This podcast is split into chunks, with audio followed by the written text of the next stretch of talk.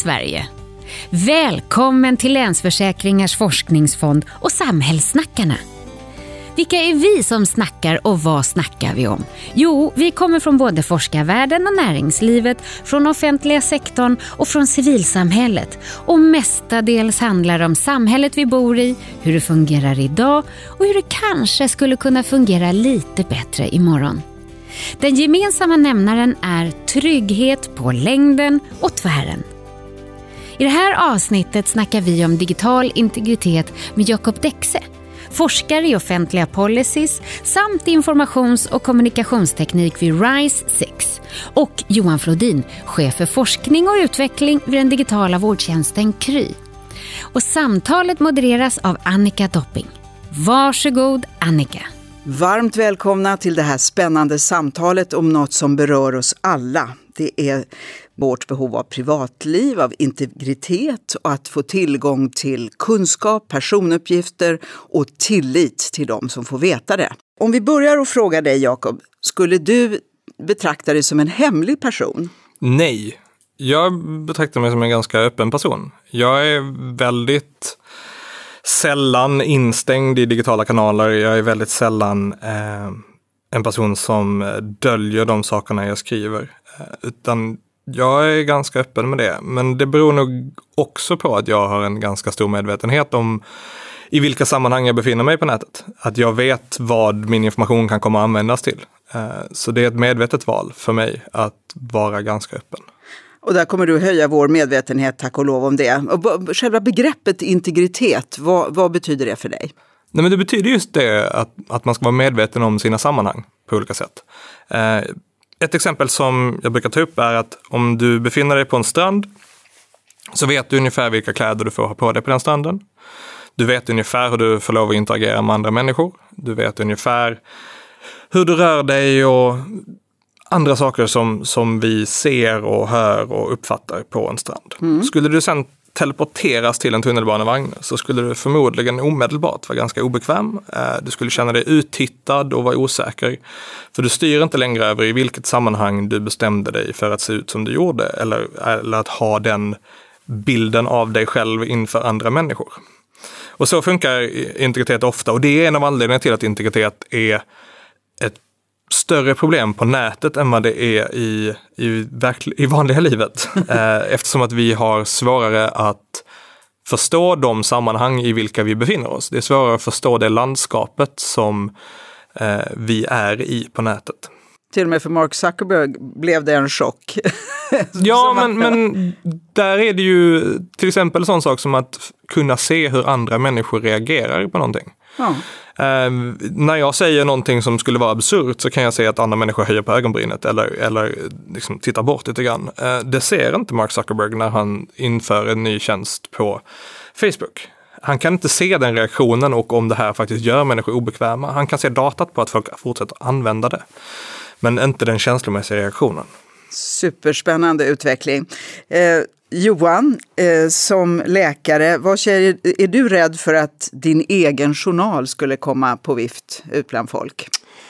Ja, men det är väl klart att man alltid är rädd att ens privata, kanske mest privata saker, där journalen kanske är det mest avslöjande man har, mm. ska komma på vift. Mm. Eh, självklart, det tror jag man är, man är naiv om man tror något annat. Men där handlar det om att vara väldigt medveten om att vi eh, idag bygger säkra system för att säkerställa så att det här inte kan ske. Men jag tycker man ska vara medveten om det och man ska alltid tänka ett varv extra som patient vad som händer med den datan som man eh, laddar upp någonstans, personlig hälsodata etc. Vad händer med den? Så man är medveten, precis som du säger här nu Jakob, vad, tar den vägen någonstans och vilket sammanhang kommer den att presenteras och, och tittas på av andra? Så vad betyder integritet för dig? Hur skulle du definiera det? Men det tror jag är en förståelse för att, eh, eller en, en insikt i vad min privata sfär, eh, vad, vad som händer med den och vad som, var den hamnar någonstans. Att få, att, att, att jag har en full transparens i vad som händer med min eh, eh data eller med min eh, situation eller med min eh, vad jag skriver eller säger eller tänker. Att jag förstår det och att jag vet om det och är medveten därför och kan då fatta ett beslut innan jag väljer att yttra mig till exempel eller säga någonting eller, eller dela med mig av någonting. Och där är det naturligtvis ett problem att allt ska gå så fort nu. Mm. Jag menar, det här möter journalister, det här möter att frestelsen att, att eh, handla först och tänka sen är väldigt stor och, och, och inte alltid lätt att sudda ut mm. efteråt. Nej, men absolut. Eh, Jakob, om du ger oss då en liten översikt om vad vi alla drabbats av, eller vad vi ska säga påminns om, GDPR, eh, som har då uppenbarat vad väldigt många sammanhang vi, våra uppgifter och adresser fanns i. Vad innebär det mera i mer konkret bemärkelse för oss, de här nya reglerna? Ja, det är en ganska svår text att sammanfatta på, på, en halvtimmes podd. eh, nej, men det här är, det här är ett, ett nytt eh, dataskyddspaket som har kommit från eh, EU. Det är en uppdatering av en 20 år gammal lagstiftning.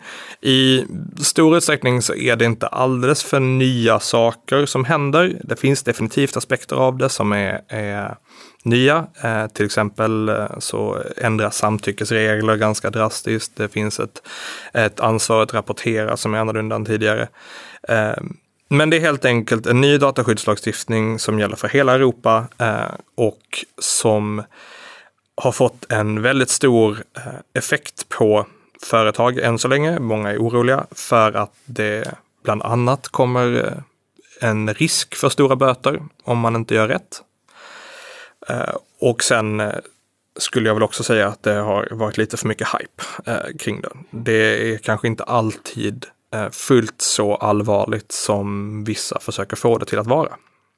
Och med det menar du att... det, det... Att, att, en, stor, en stor aspekt av dataskyddsfrågor handlar om att veta vad man har för information, att ta ett ansvar för den informationen och se till så att man minskar risken för att den sprids. Eh, klarar man av de sakerna så är man ganska hemma.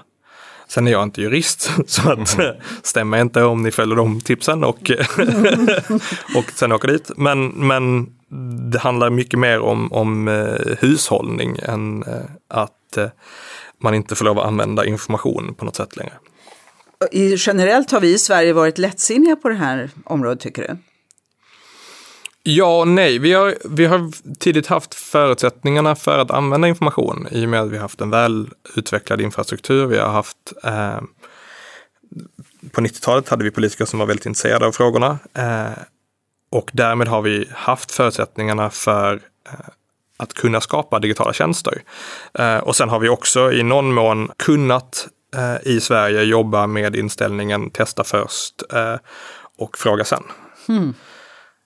Så är det, det, inte i alla länder. Så är det inte i alla länder. Det har ju sina fördelar men det har ju också sina nackdelar. Det bästa är ju om man kan ändra sig när man inser att man har gjort fel. Det är väl en förutsättning som GDPR kanske ändrar på lite grann. Att vi kanske kommer göra mer rätt från början. Vad tycker du är viktigt att vi förstår när det gäller, du säger att du är medveten om vad, din, eh, vad dina data används för. Vad, vad är viktigt att vi allmänna medborgare förstår? Hur ska... oh, det finns ju hur mycket som helst. Uh. Um, nej men det, det, är ett generellt problem att vi har dålig koll på uh, de digitala landskapen. Att vi har dålig förståelse för vad som genererar personlig information. I uh, en studie som heter Delade meningar har vi bland annat lyckats identifiera att eh, de flesta människor verkar förstå att information samlas in på nätet. Mm. Men de verkar inte i lika stor utsträckning förstå vilken och varför.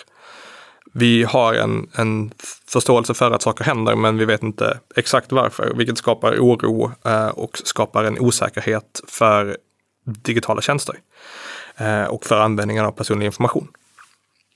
Så det finns ett väldigt generellt kunskapsproblem i att vi har dålig förståelse för de digitala vägarna, men vi har också dålig pedagogik när det kommer till att förklara vad företag använder informationen till. Man är väldigt sparsam i att förklara exakt vilken data som samlas och varför. Det finns såklart undantag. Jag tror att Johan kommer börja nicka nu.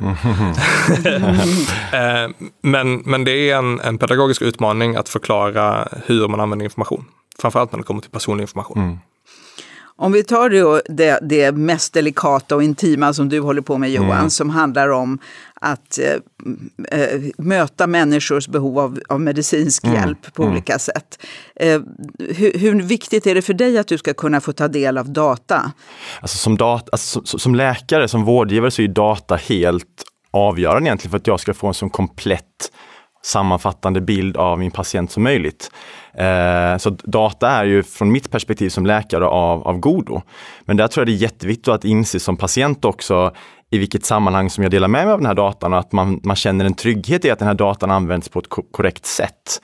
Vi på, på Kry då, vi jobbar eh, med patienter från, från hela landet och eh, vi har ju då ett behov av att kunna få tillgång till så mycket journalinformation som möjligt från de här patienterna. De här patienterna finns utspritt över hela Sverige egentligen. Och, och att kunna då få, få hämta upp din journal från din lokala vårdcentral, din lokala läkare i, i eh, Hörby till exempel eller i, i norra Norrland. Det är jättevärdefullt för mig mm. för att det patienten förmedlar till mig är kanske inte alltid så att säga och det kan ju vara både medvetet och omedvetet, men, men hela sanningen. Eh, oftast handlar det om en omedvetenhet, att patienten tänker inte på att jag opererade blindtarmen för fem år sedan och jag förstår inte att det är viktigt för, för läkaren att få ta del av det. Men för mig så kan det vara helt avgörande när jag ska fatta ett beslut, ett viktigt medicinskt beslut, att kunna se den informationen.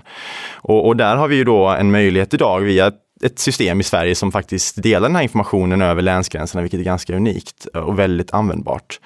Eh, men där måste man ju alltid såklart fråga patienten om lov innan man läser det här. Det är heter, det så? Ja, det måste man göra såklart. Så det är ju ett, ett, eh, informerat samtycke som krävs för att man ska få ta del av det här. Så patienten kan säga nej där med all rätt. Men då är det ju väldigt viktigt att jag informerar att, vad, vad det här innebär för patienten. Att om du säger nej, ja men då hamnar jag kanske i ett informativt underläge. Och det innebär kanske att du kan få sämre vård. För att det här har ju varit ett jätteproblem förut att få tillgång till journaler. Det har ju inte gått så smidigt. just eh, så att det, eh, Och eh, jag vet att i andra länder tycker man att det är jättekonstigt att det inte är patienten själv som äger sina journaler utan att det är vården. Vi har haft en väldigt stor tillit där. Mm. Att det ska handskas på rätt sätt. Ehm, är det något som har ändrats då nu med det här samtycke? Så här är det, dels så finns det ju en, en trend i samhället idag att eh, data ska så att säga alltid vara transparent och att man som egen person ska ha tillgång till den. Ja. Journalerna idag till exempel kan du läsa på nätet. Det var ju väldigt mycket uppror, det var ju några år sedan som det började komma.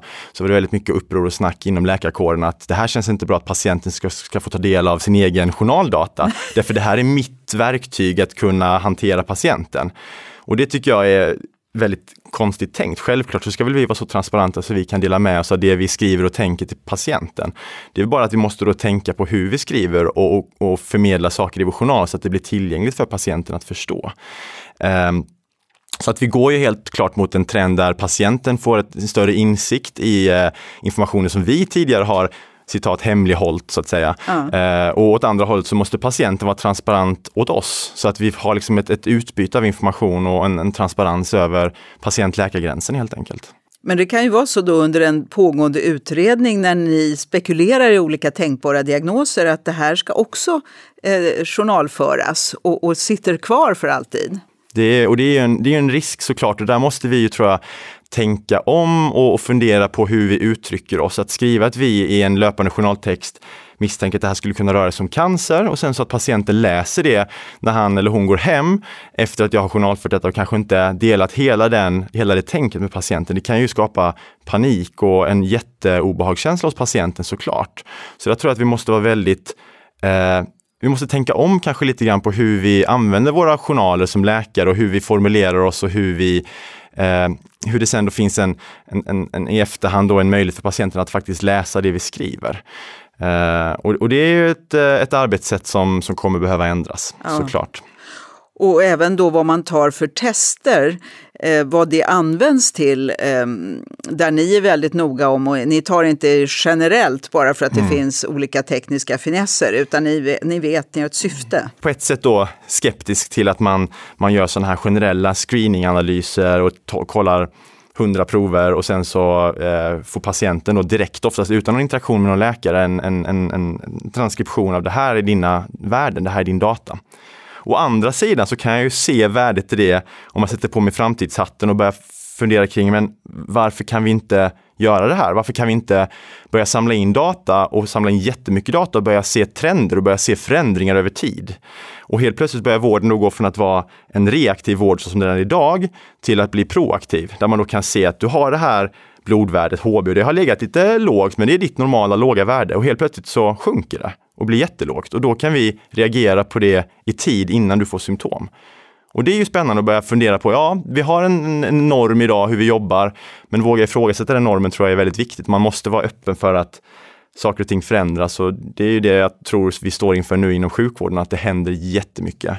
Total transformation egentligen. Mm. Och det här att eh, hela samhället blir mer och mer komplext, men vi människor är extremt komplexa också. Det är inte så linjära samband som man gärna vill tro. Eller som jag förstår att ni, ni läkare Johan, krävs mer och mer att ni måste vara detektiver och kunna gissa olika skäl till ett givet symptom och sådär. Alltså, om man då mm. försöker ha väldigt, väldigt linjära samband i sådana här tester, att oj, du har lågt mm. tryck, högt, det betyder, det är ju, det, det är ju enormt många fler parametrar som spelar in. Så det här måste ju hela tiden vara en, en balansgång mellan värdet av att få in det här och, och, och, och sen beror det väl jättemycket på om man är en sån som blir rädd och oroar sig eller tycker det är spännande, nu får jag hjälp att fatta rätt beslut. Det är ju väldigt individuellt om man vill veta eh, vilken risk man har för att drabbas av olika sjukdomar. Så att det, här är, det går ju inte att hitta en universell regel.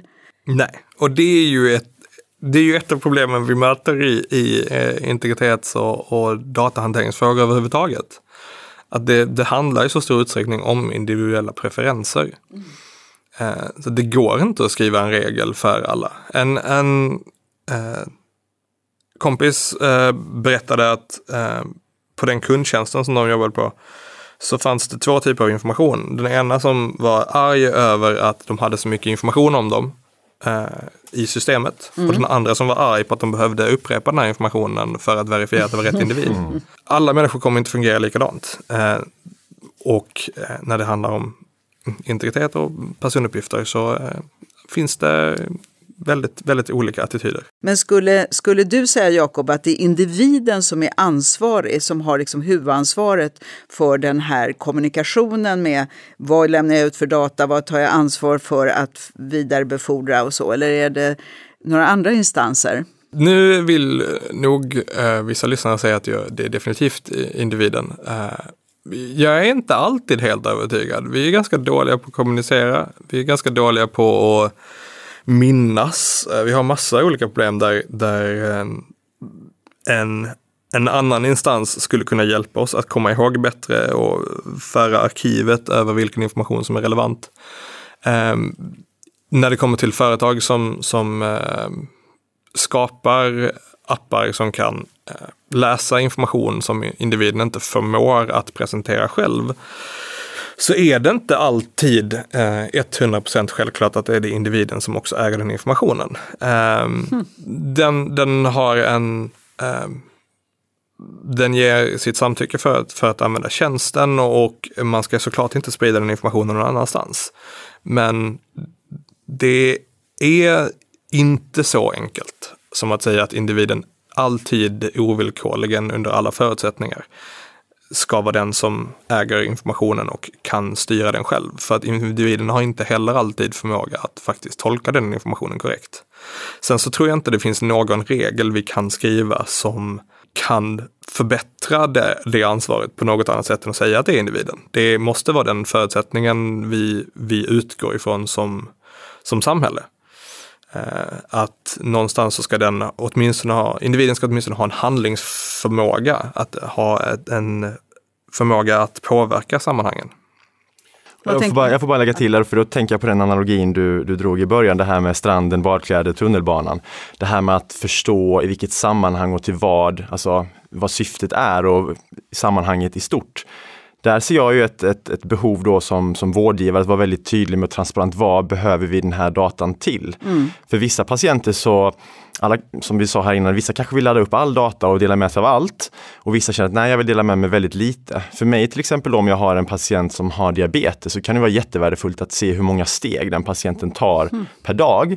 Men för en annan person som är har någon annan sjukdom så är det helt ointressant. Det vill säga för mig så är det ju helt och hållet avgörande vad jag har för patient framför mig, vad det är för data jag är intresserad av och vad jag kommer använda den datan till. Så jag tror att det är väldigt svårt, i mitt sammanhang i alla fall, att säga att individen har full så att säga eh, beslutsrätt oinformerat i alla fall. Då måste jag ju få vara där och informera vad behöver jag den här datan till? Och sen kan de fatta ett, ett grundat ställningstagande till om jag vill dela med mig av informationen eller ej. Så att man vet vad liksom konsekvensen är om man inte gör det. Det här är en av grunderna i, i det informerade samtycket också Mm. i någon mån. Att, att ehm, det är en sak att, att säga, ja men jag köper att den här tjänsten gör si och så. Ehm, men vet man inte under vilka förutsättningar det faktiskt innebär och har man inte full förståelse för konsekvenserna av eh, var informationen kan spridas så är det tveksamt om man faktiskt kan vara informerad. Då kan till exempel ett stöd som att en läkare förklarar vad informationen faktiskt betyder vara eh, ett steg i att få det här informerade samtycket. Det är ett juridiskt begrepp som är ganska svårt eh, att riktigt komma, komma underfund med det här informerade samtycket. För att vi har så många kognitiva begränsningar som människor att det är svårt att uppnå det eh, ordentligt. Jag vet inte hur många mejl jag har aktivt ignorerat den senaste månaden eh, kopplat till GDPR. Även om jag då eh, är någon sorts expert på det här så tittar jag ändå inte på informationen för jag orkar inte. Nej, det blir så oerhört mycket information, alltså det blir ett informations-overload på något Ja. sätt så att man tar inte till sig det här. Och då, det har jag ju själv också gjort tyvärr, klickat liksom accept på allt för många sådana här informerade samtycken då, eh, inom citattecken. Så där tror jag att vi måste göra den processen mycket enklare och mycket mer förståelig för den, för den enskilda patienten, säger de, men, men, men individen egentligen. Men jag tänker då på just det här att kunna överblicka konsekvenser och vad man tar ansvar för och inte. Det är ju också så att alla spelregler kan ju förändras. Det som vi nu oskyldigt ger i vårt lilla tillitsfulla land kan ju ändras faktiskt. Där vill vi ju inte gärna vara sådana eh, domedagsprofeter och riskmänniskor och konspiratoriska. Men det kan ju vara någon, komma i väldigt orätta händer eh, som vi absolut inte har någon kontroll över. Vem som, det, det ser vi ju just med Cambridge Analytica och mycket annat. Vem kunde ana att vad vi gillar och, och, och delar och så blir underlag för vilka propagandainformation som ska skickas ut. Jag menar, det är ju otroligt mycket som inte vi har kontroll över ändå, vad data används till. Där vi säkert har varit mer än vällovligt eh, naiva väldigt många gånger. Men du Jakob, du ser lite ut som du tycker inte att det är så stort problem. Eller är det jag som övertolkar din min? Jag, jag, jag har väldigt svårt för domedagsscenarierna. Det är väldigt sällan som eh, ett domedagsscenario beskrivs utan att det finns en illvilja i det någonstans. Det, man, man, man skriver in en illvilja i någon aktör. Att de eh, vill få all den här informationen för att påverka oss eh, i hemska riktningar. Det är inte riktigt så människor fungerar för det första. Vi, de, de flesta människor är inte onda. Det Är det så? Ska man, är Googles nästan- paroll, we are not evil. Ja, precis. ja. Don't do evil. Eh, nej, men jag, jag, de flesta människor är inte onda. Ehm, de flesta människor vill göra någonting bra, vill använda information eller vill, vill utveckla på något sätt. Um, det blir ett väldigt konstigt resonemang, inser jag i, i sammanhanget. Men eh, jag, jag, man, ska inte, man ska inte alltid gå till domedagsscenariot när man ser eh, en ny typ av teknik eh, komma. Är du lika eh, härligt humanistisk, eh, optimistisk? som Jag är humanistisk, ja. Det kan jag väl inte säga annat som läkare. Nej men självklart så tror jag ju gott om människan i grund och botten. Och jag tror att vi måste liksom omfamna tekniken och se det som en otrolig möjlighet och snarare rädas, eh, va- vara rädda för den. Eh, Ett exempel som jag tycker är lite kul att, att, att, att berätta om det är att eh, som allmänläkare idag, om du ska alltid hålla dig uppdaterad med den senaste kunskapen, den senaste liksom, forskningen, eh, så, så måste du läsa någonstans runt 40 timmar per dygn, ny vetenskapliga Oj, artiklar och sånt. Och det oj. är ju omöjligt såklart att göra det idag. Det går inte. Nej. Och det går så oerhört fort, det är så exponentiell utveckling så att människans kapacitet idag att, att hänga med kommer ju så att säga, det, det övertrumfas av, av utvecklingens takt och där måste vi ju ha stöd och hjälp. Och där tror jag att eh, det här med data, big data, eh, beslutsstöd för läkare till exempel, hjälp, vägledning, det kommer vara något som vi ser tillbaks på, precis som vi ser tillbaks på eh, roliga bilder från, från, från 1600-1500-talet när de borrade i huvudet för att driva ut onda andar, se tillbaks på tiden om några hundra eller kanske 50 år och säga hur kunde ni låta läkarna jobba utan stöd av tekniken på, på, eh, liksom på egen hjärnkapacitet egentligen. Vi kommer ju jag, jag tror att vi kommer att behöva ha den här eh, eh kombinationen av eh, eh, beslutsstöd, data, AI och eh, mänsklig handpåläggning och interaktion och där två tillsammans så skapar vi en superläkare tror jag. och där i så ändras också våra, våra preferenser. Vi, för, för 20 år sedan så var det ju otänkbart att kunna använda en plattform som Facebook som vi använder Facebook idag.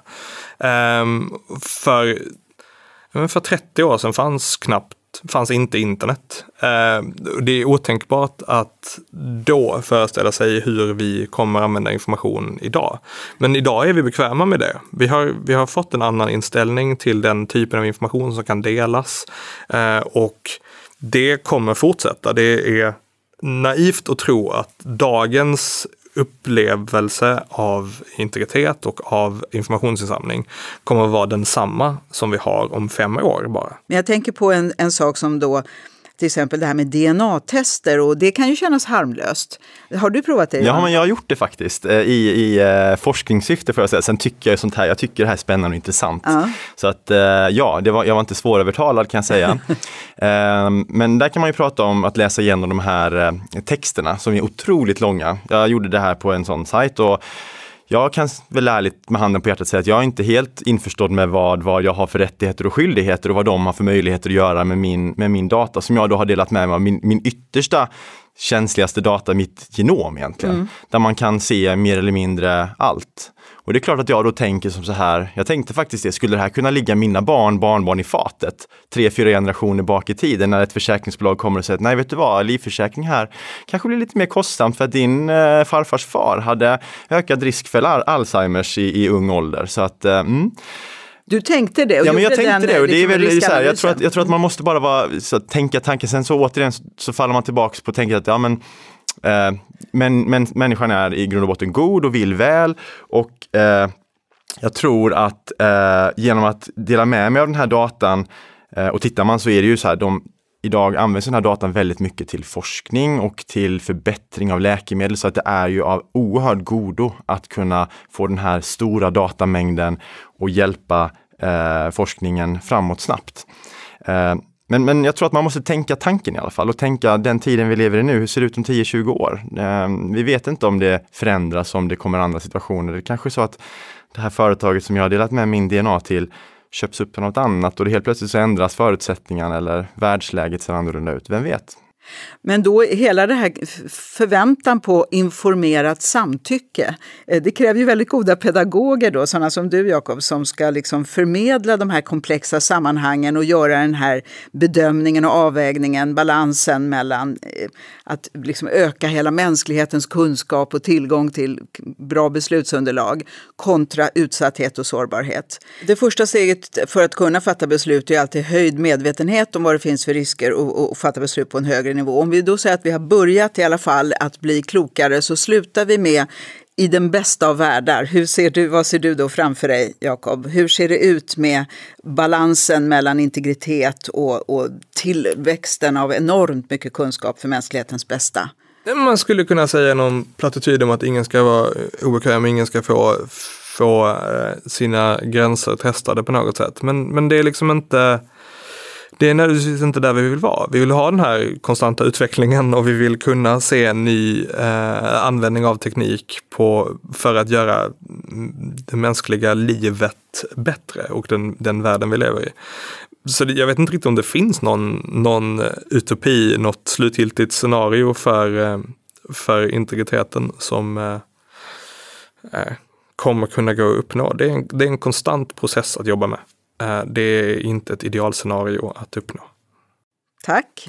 Slutord mm. från Johan? Nej, men, ehm, jag ser framför mig då från vårdperspektivet att vi har ett informerat samtycke där patienten då delar väldigt mycket information med oss vårdpersonal, läkare. Och med hjälp av den här informationen så ökar vi dels den egna förståelsen för sitt mående. Man skapar det som vi kallar för patient empowerment, alltså patienten har bättre kunskap kring sin egen situation. Proffspatienter egentligen.